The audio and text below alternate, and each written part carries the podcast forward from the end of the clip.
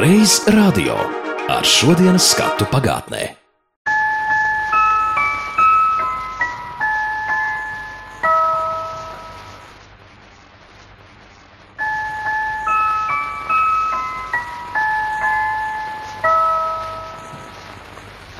Halo, Latvija, Rīga, Madona, Kuldīga, Liepāja.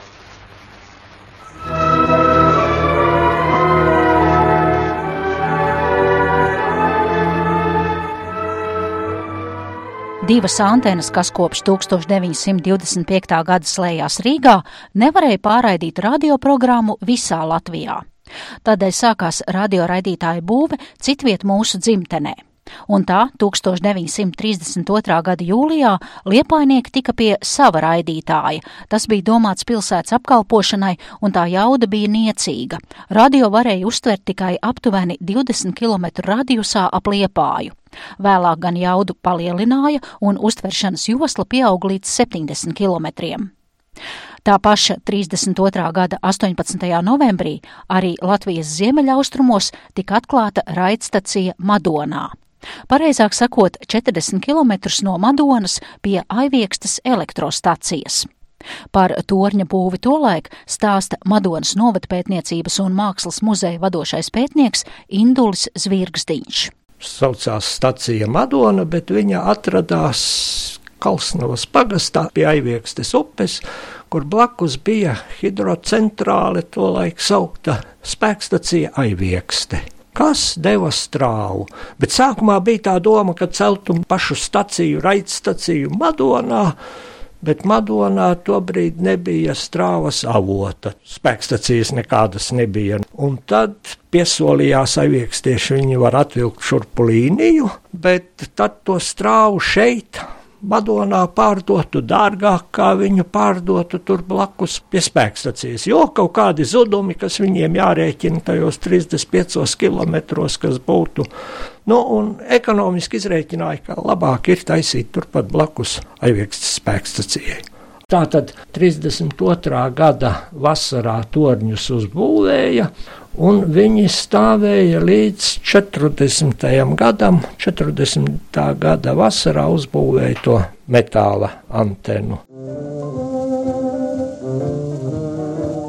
Kā teica Indulis Zvirgstiņš, tad 1932. gada vasarā Kalsnavas pagastā līdzās topošajai raidstacijai uzcēla divus 116 metrus augstus priedes koka torņus, kur galos nostiepa antenu. Tolaik tie ir bijuši augstākie koka radiomasti Eiropā. Pirms šo mastu būves ir aptaujāti vairāki pieredzējuši ārvalstu uzņēmumi par vēlamo darba samaksu, un zemāko cenu ir prasījusi Anglijas kompānija Marconi. Taču latviešu vīri darbu paveica divreiz lētāk. Katra torņa izmaksa tolaik bija drusku pāri 20 tūkstošiem latu. Par šiem mastiem toreiz arī parādījās raksts kādā Eiropas radiotehnikas žurnālā, un tāpēc 1933. gada pavasarī ASV sūtniecības Rīgā komercatašais rakstīja pasta un telegrāfa departamentam. Ziņojums par koka radiotorņiem ir izsaucis diezgan lielu interesi speciālistu aprindās Amerikā. Mēs tikko saņēmām vēstuli no Tirdzniecības departamenta Nacionālās koku izmantošanas komitejas ar lūgumu piesūtīt viņiem zīmējumus un specifikācijas par šiem torņiem, kā arī datus par būves izmaksām un radio īpašībām. Atbildes vēstulē tika skaidrots, koks izvēlēts tāpēc, ka metāla masti radot papildus indukcijas strāvas, kā arī esot dārgāki. Pirmais Madonas raidstacijas priekšnieks, kas arī projektēja un vadīja strāvas iekārtas izveidi, bija Kārlis Lielbriedis.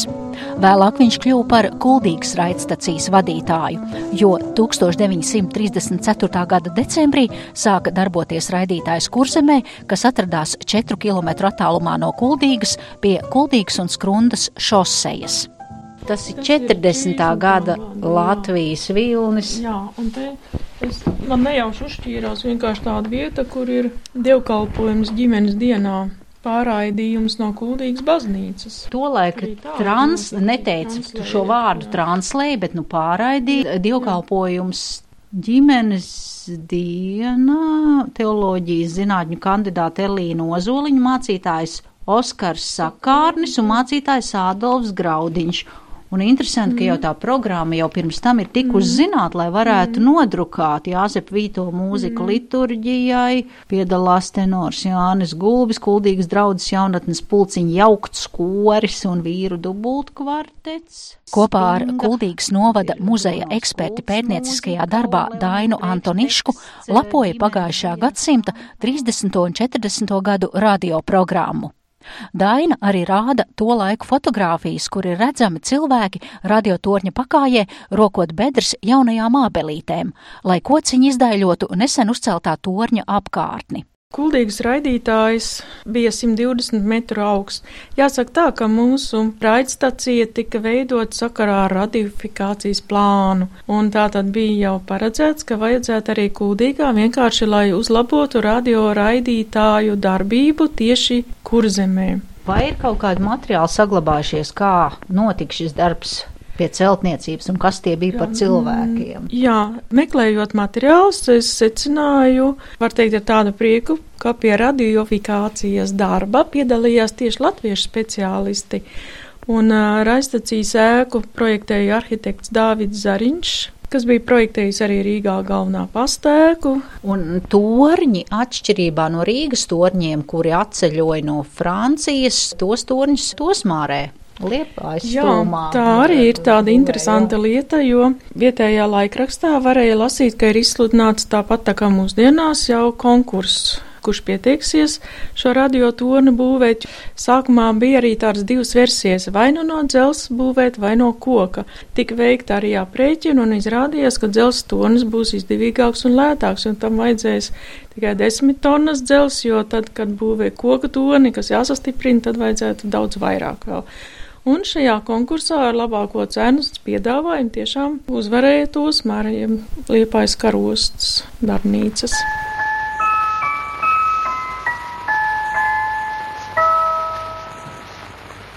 Halo, Latvija, Rīga, Madona, Kuldīga, Liepāja.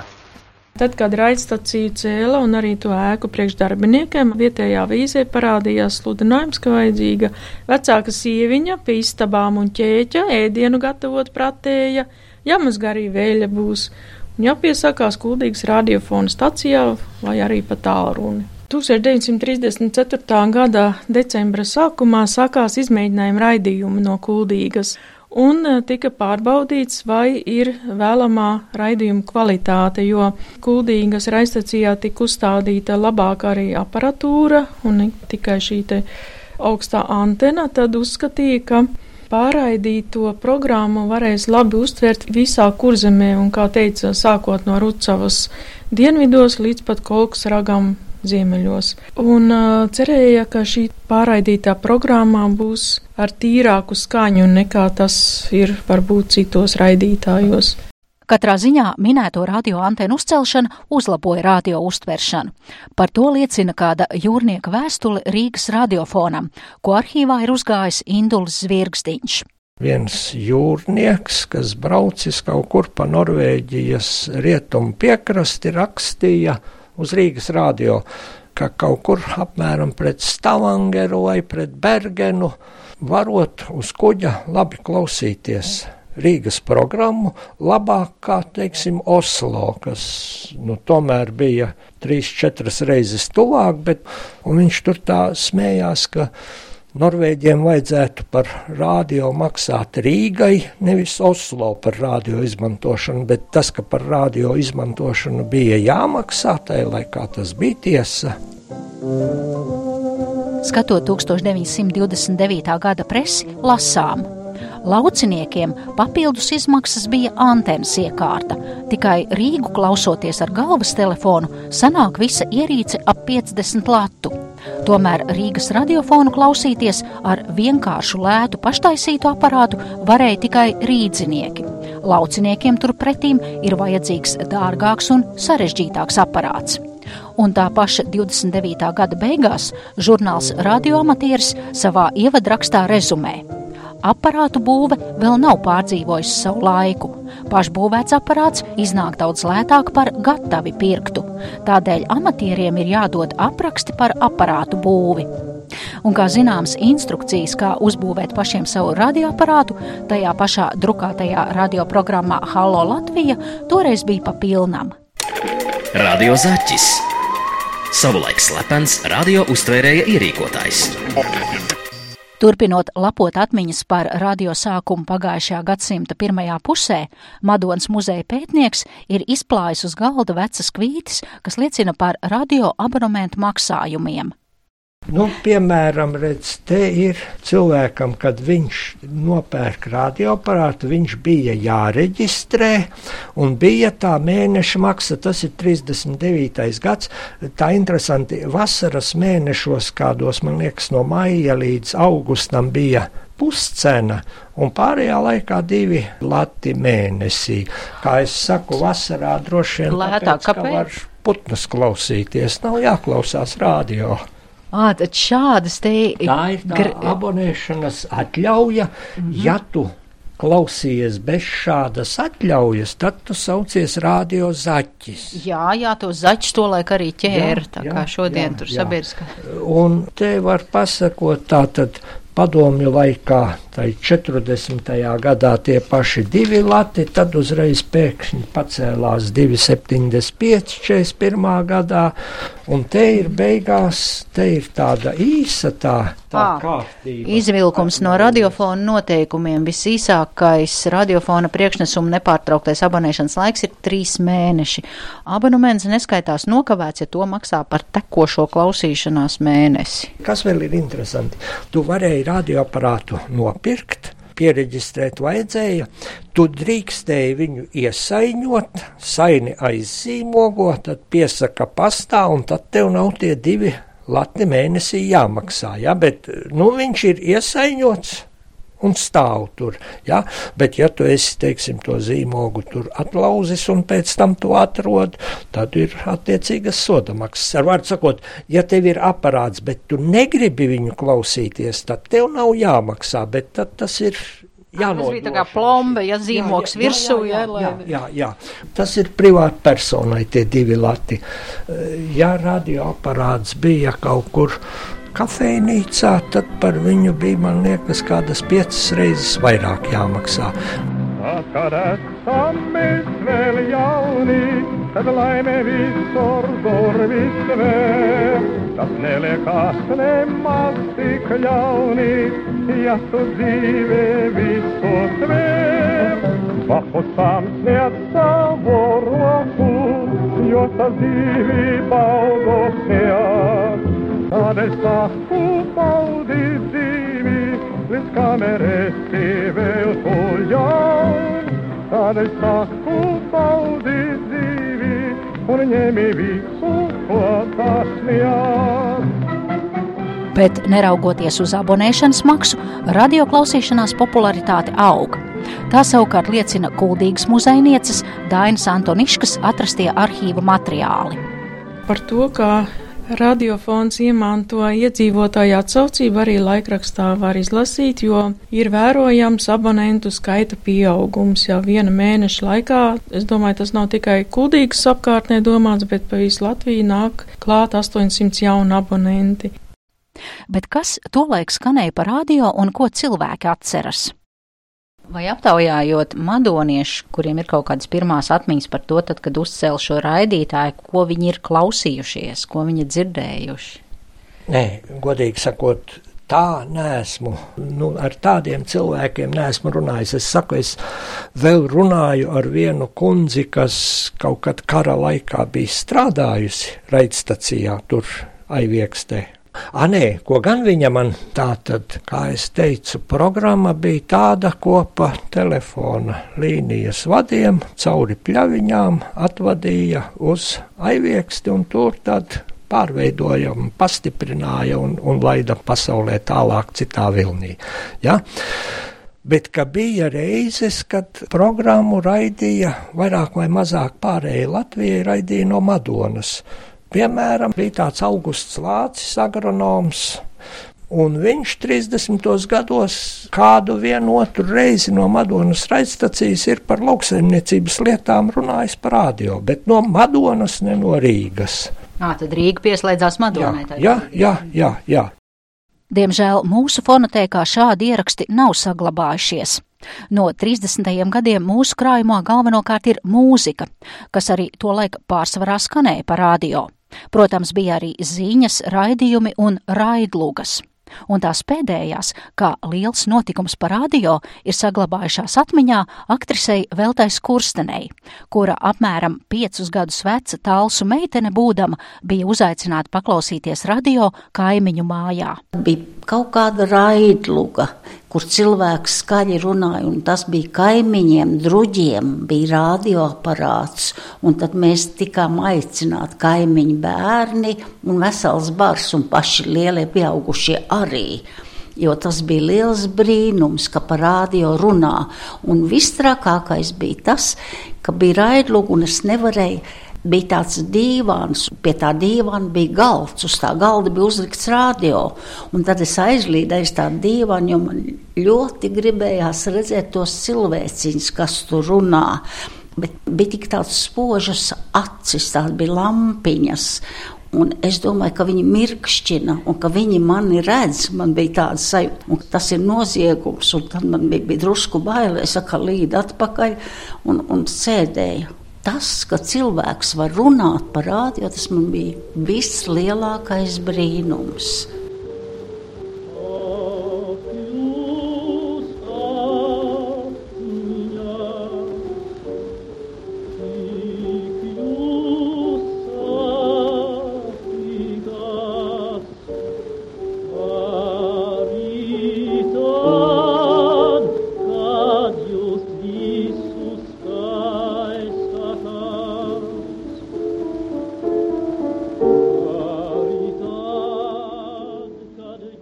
Otrais pasaules karš pārvelk svītru līdz tam iesāktai radiodarbībai.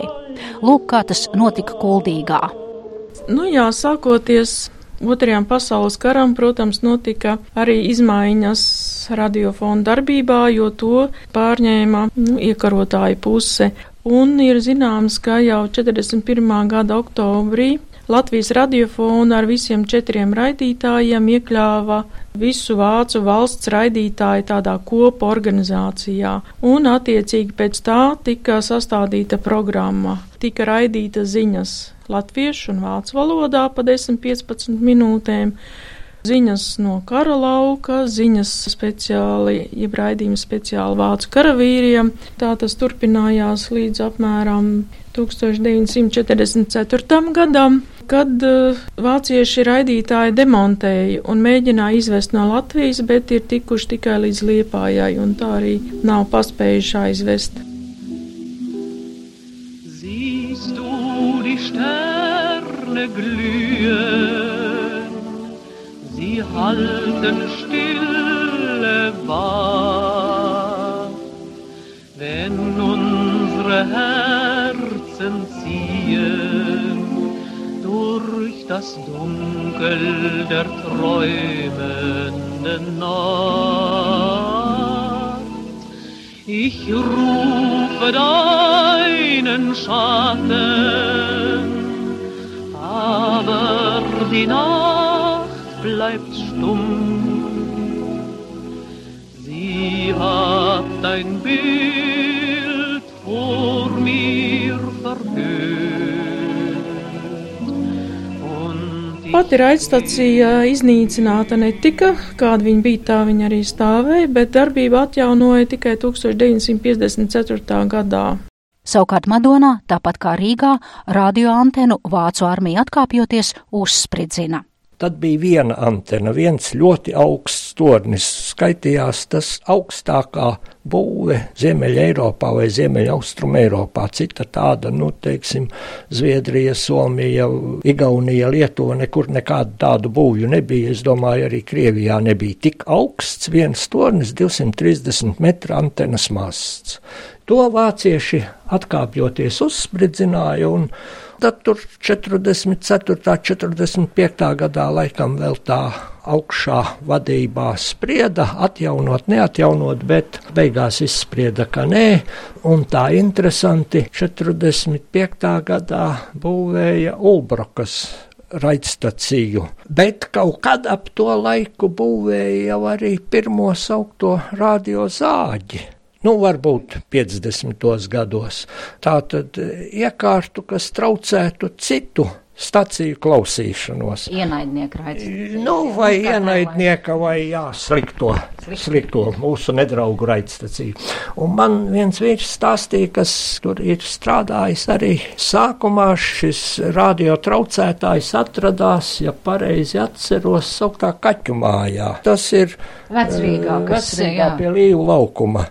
Un man teica, ka tas savienotāja kabelis, tas esot ņemts šeit no Madonas stacijas, kā es saku, savulaik Madonas raidstacijā tas kabelis kalpoja radio klausīšanai, uztveršanai, un te tas bija ar mīnus zīmi, lai nevarētu klausīties.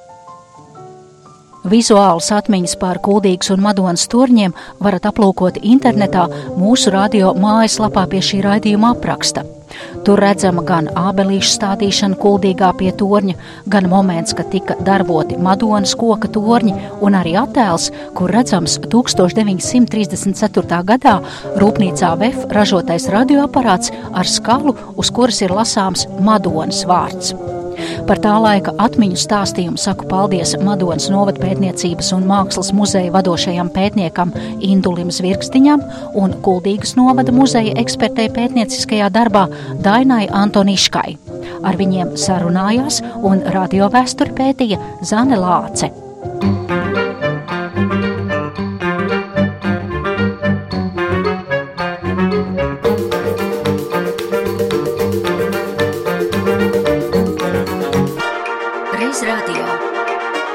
Reiz radio ar šodienas skatu pagātnē.